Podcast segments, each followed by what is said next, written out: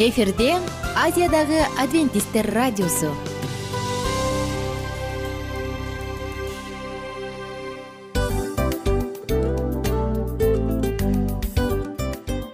Достор салют. Баардык сүйүктүү угармандарыбызга салам айтабыз. Кутман күнүңүздөр менен. Ден соолук өмүрдүн булагы демекчи саламат саамы программасында баарыңыздарды көргөнүбүзгө абдан кубанычтабыз. Анда алгач амандашып өтөлү арбаңыздар деп. Ден соолугуңуздар кандай элибизде көбүнчө ден соолук кандай дегенде эле жакшы деп жооп беребиз э? ооруп турсак дагы жакшы дейбиз. Анан мен муну айтып ойлойт элем бул абдан сонун сөз депчи анткени бул жакшы деген үмүт да э баары жакшы болот баары сонун. Деп үмүттөнүп атып эле өзүбүздү өзүбүз дарылап коебуз. Анысы кандай? Сиздин дагы ден соолугуңуз жакшы беш деген үмүттөбүз чындыгында ден соолук бул өмүрдүн булагы деп бекеринен айтылган эмес деп ойлойм. Кыргыз элинде анткени эгерде ден соолук жок болсо анда адамдын жашоосунда калган баардык керектүү маңыздуу нерселер өзүнүн баалуулугун жоготуп коет. Ошондуктан ден соолук бул эң керектүү нерсе. Ооба туура айтасың кесиптешим. Чынында ден соолугуң жок бир эки үч күн ооруп калсаң эле э кандай болуп калат? Жашоодо көз каранды болуп каласың көп нерсеге жетишпей каласың көп нерсени кыла албай каласың жада калса эшикке дүкөнгө да чыга албай каласың. Туптуура анан ден соолук болсо демек биз биздин бактыбыз тотой деп койсок болот. Анда достор саламат саамы рубрикабызды баштайлы. Алдыда өзүңүзгө керектүү болгон сонун кеңештерди уга аласыздар. Мына ошондуктан биз менен бирге болуңуздар. Ал эми биз болсо милан жана айнура. Кеттик алга. Алга саламат саама ден соолуктун жарчысы. Саламат саама ден соолуктун ачкычы. Күн сайын сиз үчүн мыкты кеңештер сонун жаңылыктар кызыктуу фактылар биздин рубрикада.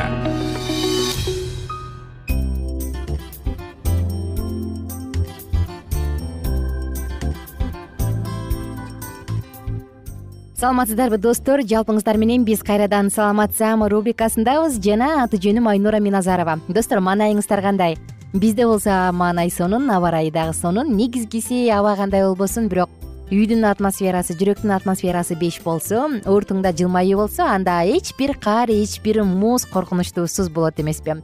Сиздерге да кааларыбыз албетте уртуңуздардан жылмаюу кетпесин. Жана сиздер менен бүгүн биз ичеги карынды дарылоодогу табигый каражаттар жөнүндө сөз кылалы деп турабыз. Эсиңизде болсо мурунку эки уктурууда биз ичеги жөнүндө сөз кылганбыз. Кандай ичегилер бар алардын узундугу канча деп ошондой эле ичеги карын үчүн кандай тамак аштар пайдалуу деп айтканбыз. Ал эми бүгүн болсо сиздер менен ичеги карынды дарылоодо кадимки эле табигый каражаттар жөнүндө сөз кылалы деп турабыз. Эгерде сизге бул кызык болсо жана ичеги тарапта көйгөйлөр бар болсо анда бизди жакшылап тыңдаңыз алдыны көздөй жөнөдүк. Кадимки эле массаж жөнүндө айталы биринчи эле кезекте эгерде э, ичеги карыныбыздын камын көрүп ага туура кам көрүүнү кааласак анда массаж ал үчүн сиз катуу жерге жатыңыз дагы курсагыңызды ичиңиздин баардыгын тең бошоңдотуңуз анан үч манжаңыздын жардамы менен эки колдун үчтөн үчтөн манжасы менен ошондо алты манжа болот э. Анан киндик тарапты солдон оңду көздөй кылып оңдон солду көздөй кылып акырында жарым жарым жарым шар кылып массаж жасаңыз. Бул үч манжа менен акырын акырын айлантасыз э. Толугу менен жарым бир круг кылбайсыз жарым гана круг болсун. Дагы бир жолу айтайын киндик тараптан оңдон солду көздөй жарым круг кылып массаж жасайсыз. Ар бир колдун үчтөн манжасы менен.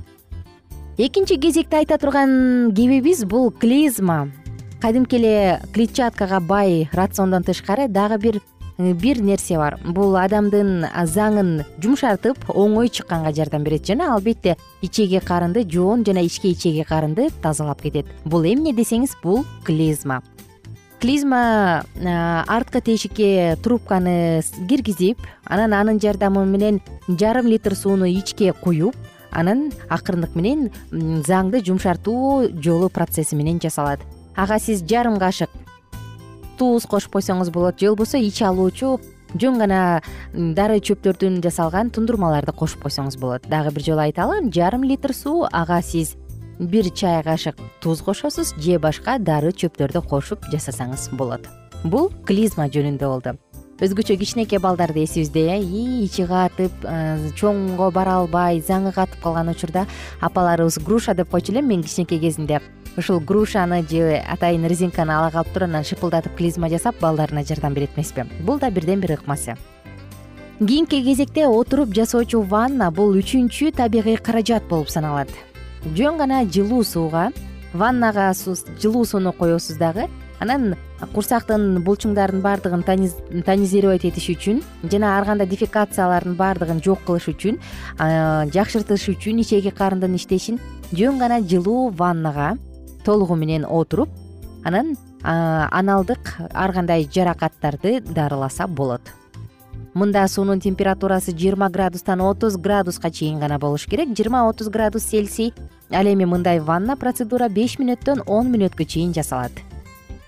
Процедурадан кийин терини аябай жакшылап бат баттан тез тезден сүртүү керек. Кургаган чакта андан кийин кийинип алыңыз. Мындай ваннаны күнүнө үч жолкуга чейин жасасаңыз болот. Колдон келишинче тамак аш ичкенге чейин. Бул жөн гана ванна болуп жасалды өзгөчө айымдар э баягы аял затына тиешелүү органдарда кандайдыр бир көйгөйлөр болгондо кандайдыр бир кыйынчылыктар болгондо ушундай ванналар жасап калат эмеспи. Демек бул ичеги карындын саламаттыгы үчүн дагы жасалууга жакшы жардам берет.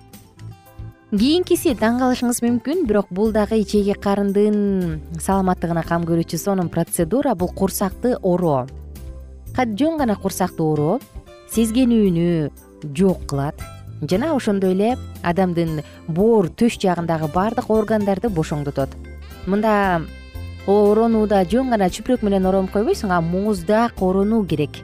Муздак ал терини мынтип тарта билгендиктен канчалык бир деңгээлде курсактан арылууга дагы жардам берет. Ал үчүн сиз болгону гана муздак суунун температурасы төрттөн он алты градус цельсийге чейин болгон сууга өзүңүздүн чүпүрөгүңүздү мүмкүн сүлгү болобу ошол сыяктуу же жөн гана чүпүрөкпү аны суулап аласыз дагы бир сааттан үч саатка чейин курсак тарапка оройсуз эгер мүмкүнчүлүгүңүз болсо түнү менен калтырып койсоңуз болот.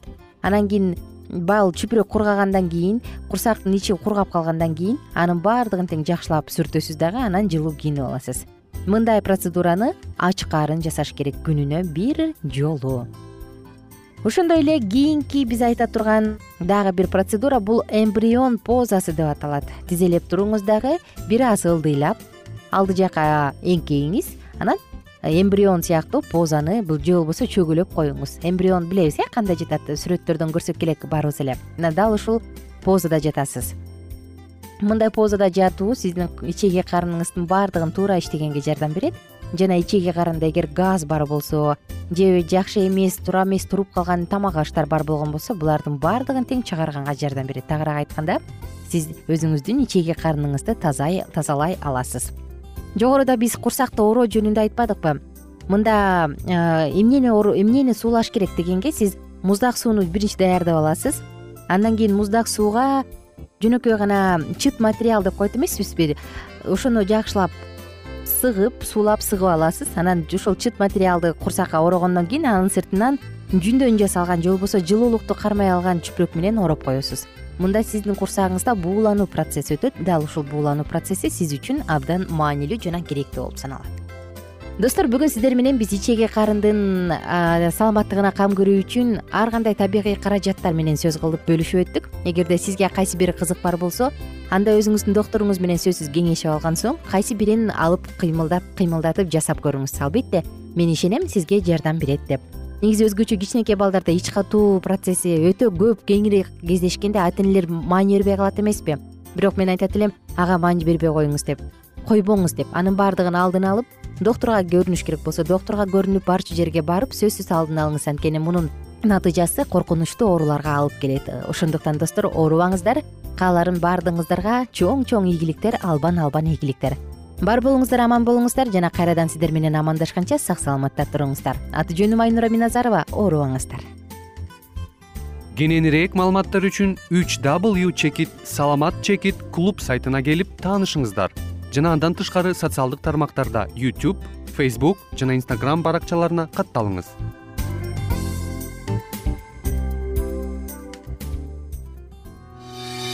Саламат саама ден соолуктун жарчысы. Саламат саама ден соолуктун ачкычы. Күн сайын сиз үчүн мыкты кеңештер сонун жаңылыктар кызыктуу фактылар. Биздин рубрикада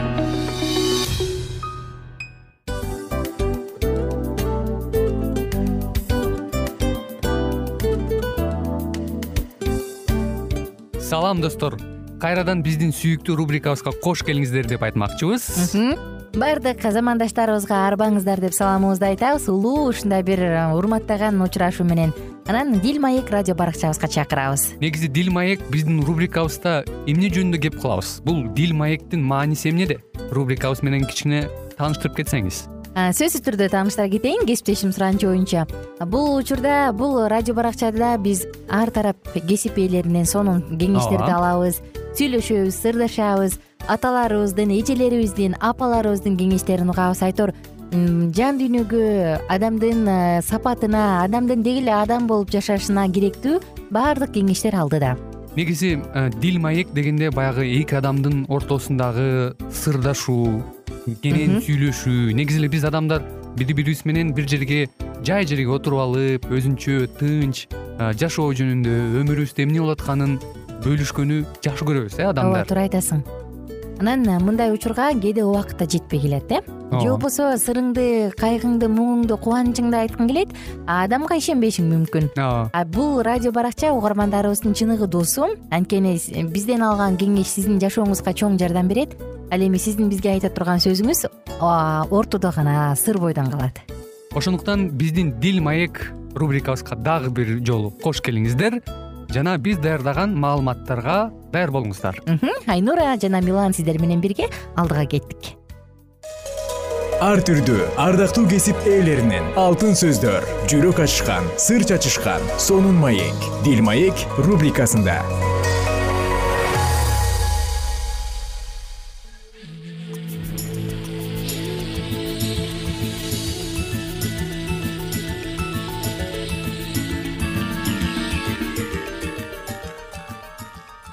амансыздарбы сүйүктүү радио угармандарыбыз. Кайрадан эле биз сиздер менен бактылуу никенин баалуу эрежелери аттуу уктуруубуздан кездешип жатканыбызга өтө кубанычтабыз бүгүнкү программабызда кайрадан эле биз үй бүлө багытына арналган темабызды улантабыз. Тактап айтканда жалгыз бой аялдарга сүйүү тууралуу сыр сөз туурасында сүйлөшөт экенбиз урматтуу айымдар.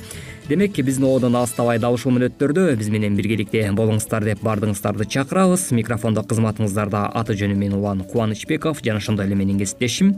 Саламатсыңарбы жана мен асель мамбетова ошентип сөзүбүз кур болбош үчүн урматтуу айымдар биз уктуруубузду баштайлы. Жалгыз бой аялдарга карата адистер үч топтогу мүнөздөмө берип өтүшкөн экен. Биринчиден жалгыз жана бактылуу. Экинчиден жалгыз жана бактысыз үчүнчүдөн жалгыз жана бактысыз бирок бактылуу болгонго аракет кылган бактылуу болуп көрүнгүсү келген. Мына ушул топторго бөлүнгөн жогорудагы айтылган жалгыз бой аялдарга карата сүйүү тууралуу сыр сөзгө кулак салыңыз. Биз жогоруда үч топ жөнүндө айтып өттүк. Жалгыз жана бактысыз. Бактылуу болуу үчүн эркектин кереги жок. Сен кантип өзүңдү жалгыз сезесиң? Кашыңда сүйүктүү үй бүлөң көп курбуларың бар сен турмушка чыгам деп оолугуп аны менен ооруп калыпсың токтотчу аңдайды. Өзүңдү карьераңды ойлосоң болот мына ушундай сөздөрдү курбуларыңыздан көп эле жолу уксаңыз керек. Демек биз көрүп билип эле жүргөн атүгүл өмүрлүк жолдошу бар эле тааныштарыңыз. Сиздин жалгыздыгыңыздын мазмуну тууралуу такыр туура эмес түшүнүктө экен. Алардын берген жогорудагыдай кеңештерин да кымындай да пайдасы жок ансыз да жалгызсыроодон жабыгып турган жаныңыз тигиндей кеп кеңештерди укканда ого бетер чөгүп өзүңүздү андан бетер бактысыз сезишиңиз мүмкүн. Үй бүлө курууну эңсөө аны үчүн өз түгөйүңүздү табуу каалоо сезиминен эч кандай деле тартынып кысынып турган уяла турган нерсеси жок. Эми өзүңүз ойлонуп көрсөңүз. Эң башында адам баары идеалдуу баары бар кайгы капасы жакырчылыгы оору сыркоосу жок жегенге ичкенге бүт баары бар. Кадимки ажайып бейиште жашаган.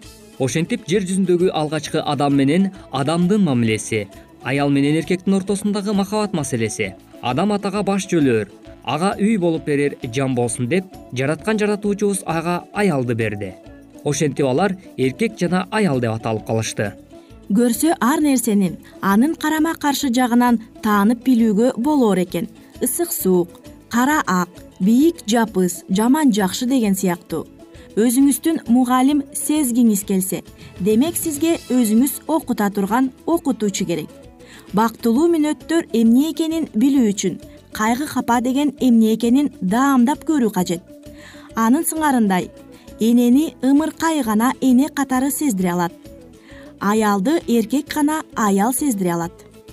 Баарыбызга бул жашоодогу жан делибиз менен берилип сүйө турган бизге өзүнүн сүйүүсүн арнап коргой турган түтүн булатып бала чакалуу боло турган өмүрлүк жан шерик керек. Бизди мына ушундай табиятта жараткан жана бул эң керемет жаратмандык үй бүлөлүү болууну бала төрөөнү самоону аялды алсыз аңкоо же бир начар кылбайт аял мындай каалоолор менен ого бетер күчтүү болот. Ал эми жалгыздап жашаган ээн жашаган аял. Бойго жеткен кыз жан жакасында канча курбулары достору жакшы маяналуу жумуш болгону менен баары бир жалгыздыктын кээрин тартпай койбойт. Жалгыздык оңой менен көнбөй турган өжөр сезим ошондой эле урматтуу угармандарыбыз турмушка чыгуу бул жалгыздыктан жабыркагандын абалынан чыгуунун бирден бир чыгуу жолунун аргасыбы. Сиз кандай деп ойлойсуз? Келиңиз бул туурасында дагы айрым бир кеңештерге кулак салыңыз. Бул жашоонун шаары менен жүрүп кээ бир аялдардын моундай бир кептерди угабыз. Турмушка чыгаарын чыктым бирок баары бир өзүмдү бактысыз жана жалгыз сезем. Үлпөттөй болоору менен жашоо сыйкырдуу түрдө жакшырып кетчүдөй боло бересиң. Сүйүүсү жок эле турмушка чыгып өзүн бактысыз сезип жашагандан көрө. Турмуш курбай эле жалгыз жашоону артык көргөндөр дагы аз эмес. Ооба кээде жалгыз эмес. Көпчүлүк арасында жүрүп деле. Өзүңдү жалгыз сезе берген учурлар кездешери чындык турмуш куруп анан андай жашоодо ар кандай эмоциялык ачуу кырдаалдарга кабылып руханий түрдө да жабыркап кол менен бири бирин какыс кукус кылган мушташкан мамилелерге караганда турмуш курбай жалгыздыкта жашап өзүн бактылуу үмүттүү сезген аялдардын бар экендиги да ырас. Турмушка чыгаарын чыгып алып жалгыз бой кыздарга аялдарга суктанып ошонун ордуна ушу менен болсом гана деп эркиндикти нормалдуу психиканы кадыресе беймарал жашоону эңсеген аялдар да көп сөзсүз түрдө ал эми мырзаларга дагы кайрылып кеткибиз келет. Бул жаатта баягы таяктын эки учу бар демекчи. Э, кээ бир учурда кээ бир мырзалар мисалы кандай мисалы долбоордун үстүндө иш алып барып атканын э, жубайларына айтпай туруп дагы кылган учурлар болот эмеспи. Мисалы өзү билип эле бир нерсе кыла бергенчи ошондуктан э, биз айтып кеткибиз келет. Мисалы мырзалар сиздер дагы ошол кандай максатты көздөп эмне менен иш кылып атканыңыз жөнүндө сөзсүз түрдө өзүңүздүн жубайыңыз менен кеңешип баягы э, кылып аткан ишиңиз туурасында тааныштырып дегендей мындай кабардар кыла турган болсоңуз анда бул нерселердин мындай көйгөйлөрдүн чыгып кетпөөсүнө бир э, алдын алууда сиз э, жакшы бир кадамдарды кылган болот экенсиз. Андыктан ушул нерселерди дагы мырзалар эске алып койсоңуздар деген дагы оюбузду кошумчалап кетсек чын эле ар бирибиз эле чыр чатактын ортосунда өзүбүздүн ачуубузду басып оозубузду жаап калгандагы мүнөттөр болуш керек экен. Эгер ал нерсе болбосо анда чыр чатактар уланып уланып отуруп э, чоң бир проблема көйгөйгө алып келет экен. Андыктан ушул нерселер эске алынбагандыктан э, айрым үй бүлөлөрдө э, чыр чатактар уланып отуруп акыры баягы өкүнүчтүү окуялар менен дагы уланып калышы мүмкүн бүгүнкү уктуруубузга назар салганыңыз үчүн ыраазычылык билгизебиз. Кайрадан эле биз сиздер менен дал ушул аба толкундан үн алышканча сак саламатта болуңуз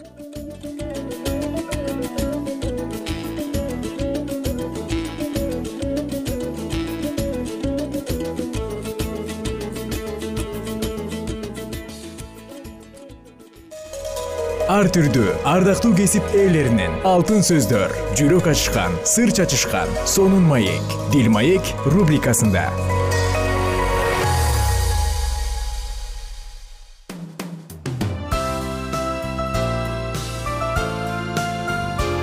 Эфирде азиядагы адвентисттер радиосу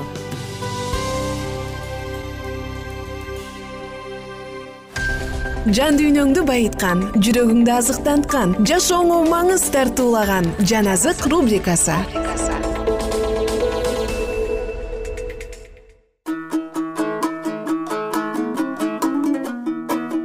Амансызбы бурадарым? Амансыздарбы туугандар? Жалпы мени үн алышып жаткан угармандарыбыз сиздердин баардыгыңыздарга сагынычтуу салам. Жана сиздер менен бирге жан азык рубрикасын баштайбыз. Алдыдагы мүнөттөр жагымдуу мүнөттөрдөн болсун насаатчы китеби бешинчи бөлүм он экинчи аяттан ары улантабыз.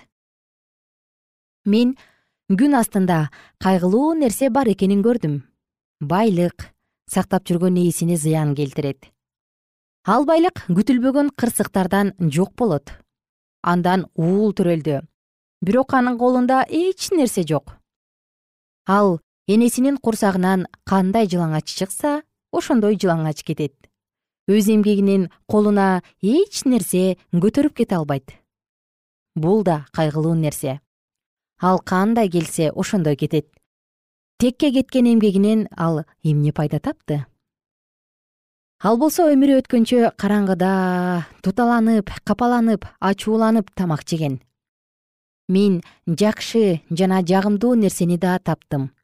Бул адамдын өзүнүн кудай берген бүт өмүрүндө күн астында кылган бардык эмгегинен рахат алуусу жеп ичүүсү анткени бул анын үлүшү. Эгерде кайсы бир адамга кудай байлык жана мал мүлк берсе жана ага аларды пайдаланууга бийлик берсе өз үлүшүн алса эмгегинин үзүрүн көрсө анда бул кудайдын белеги. Ал өз жашоосунун кыскалыгы жөнүндө көп ойлонбойт. Анткени кудай анын жүрөгүн кубанычка толтурган. Насаатчы алтынчы бөлүм. Мен күн астынан дагы бир жамандыкты көрдүм. Бул нерсе адамдар арасында көп кездешет. Кудай адамга байлыкты да мал мүлктү да атак даңкты да берет. Анын жаны эч нерседен кем эмес. Анын каалаганынын баары бар. Бирок кудай ага аларды пайдаланууга жол бербейт аларды башка киши пайдаланат. Бул курулай убаракерчилик жана оор дарт эгерде кайсы бир адам жүз балалуу болуп көп жыл жашаса анын өмүрү дагы узарса бирок анын жаны жакшылык көрүп ырахаттанбаса атүгүл аны көмүшпөсө анда мен ага караганда бойдон түшкөн бала бактылуу дээр элем. Анткени ал бекер эле келип караңгылыкка кетти. Анын ысымын караңгылык жашырып коет ал күндү көргөн да билген да эмес. Тигиге караганда буга тынчыраак ал эми тиги эки миң жыл жашап жакшылык көрүп ырахаттанбаса да баары эле бир жерге барат эмеспи? Адамдын бүткүл эмгеги кекиртеги үчүн бирок анын жаны тойбойт.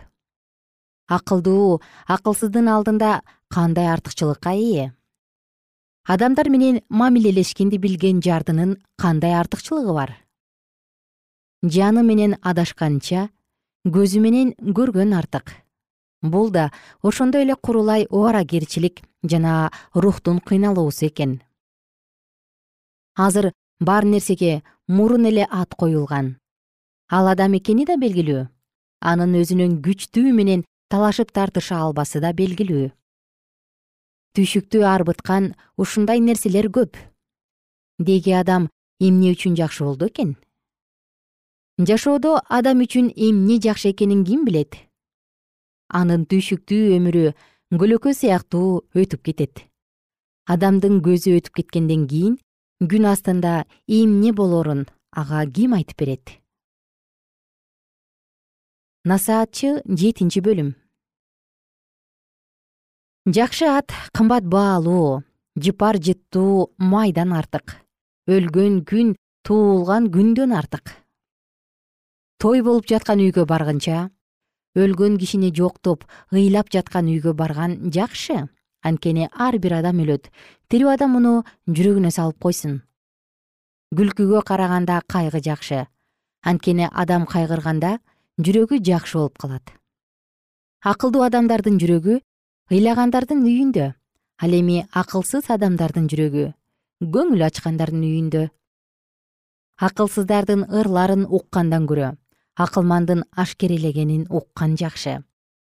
Анткени акылсыздардын күлкүсү казандын астындагы тикенектин чартылдаганындай бул да курулай убаракерчилик акылдуу адам башка бирөөлөрдү кысымга алып акылсыз болот. Белек жүрөктү бузат иштин аягы иштин башталышынан жакшы. Чыдамкай адам менменсинген адамдан артык. Ачууланганга шашпа анткени ачуу акылсыздардын жүрөгүндө уялайт. Эмне үчүн азыркы күндөргүгө караганда өткөн күндөр жакшы эле? Дебе. Анткени сен муну акылдуу болгонуңдан сурап жаткан жоксуң. Акылмандуулук мурас сыяктуу эле жакшы айрыкча күндү көрүп тургандарга жакшы. Анткени анын далдаасында болуу күмүштүн далдаасында болууга барабар. Бирок билимдин артыкчылыгы бул. Акылмандык акылмандыкка ээ болгон адамга өмүр берет. Кудайдын кылган ишине көз чаптыр. Ал кыйшык кылып койгон нерсени ким түздөй алат?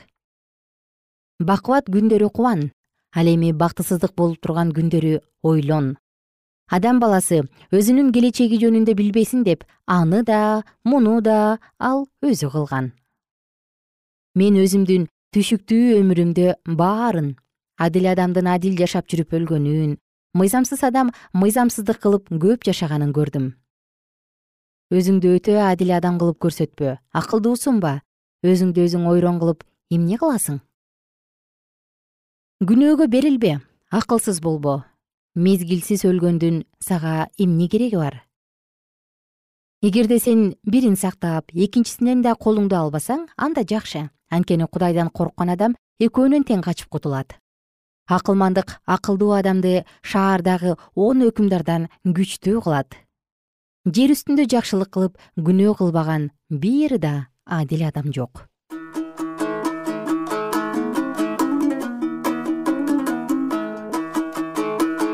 кымбаттуу досум сиздер менен бүгүн дагы биз э, жакшынакай болгон сөздөрдү насаатчы китебинен акыл насааттарды окуп өттүк. Кайрадан амандашканча деп коштошом алдыдагы күнүңүз сонун маанайда улана берсин оорубаңыз бар болуңуз бай болуңуз. Эгер сиздерде суроолор болсо же көбүрөөк маалымат билем десеңиз анда биздин whatsapp номерибизге жазыңыз. Плюс бир үч жүз бир жети жүз алтымыш алтымыш жетимиш. Кайрадан плюс бир үч жүз бир жети жүз алтымыш алтымыш жетимиш.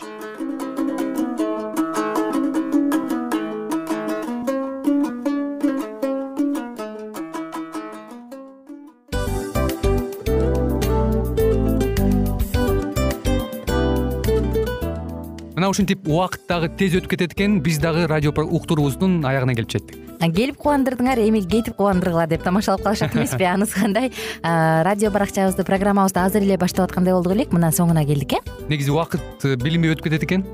Мен дагы э, убакыт дегенде бүгүн бир адам менен сүйлөшүп калдым. Анан убакыт бул мүмкүнчүлүк деп айтып өзүмө өзүм айтып алып анан мага өзүмө эле кайра ачылыш болду да чын эле э карап отурсаң ошол эле жыйырма төрт саат ошол эле жарым саат кайталанып атат. Бирок сендеги мүмкүнчүлүк жок ошол кой берилип кетти? Анысы кандай? Бүгүнкү сонун убактыңызды алтындай болгон жарым саатыңызды бизге бөлүп арнаганыңыз үчүн ыраазычылык айтабыз. Анан жашооңуздун кайсы бир сферасын өзгөртө турган сонун пайдалуу кеңеш алган болсоңуз анда биз максатыбызга жеттик. Анан ушул нерсени кылбасам десеңиз ошол өзгөрүүлөрдү кичинекей кадамдардан баштап иш жүзүнө ашырыңыз дагы жашооңузда чоң чоң ийгиликтерге жетиңиздер чын жүрөктөн ар бир берилген кеңештер сөздөр сиздерге пайдасын алып келет деп ишенебиз. Жана кийинки уктурууларда сөзсүз түрдө чыдамсыздык менен сиздерди күтөбүз. Сагынычтуу салам айтып кайрадан дал ушул жыштыктан баардыгыңыздарды тосуп алганча. Кызматта мен айнура жана кесиптешим милан. Анда кол пулга алайбыз жалпыңыздарга ийгиликтүү күн. Саламатта калыңыздар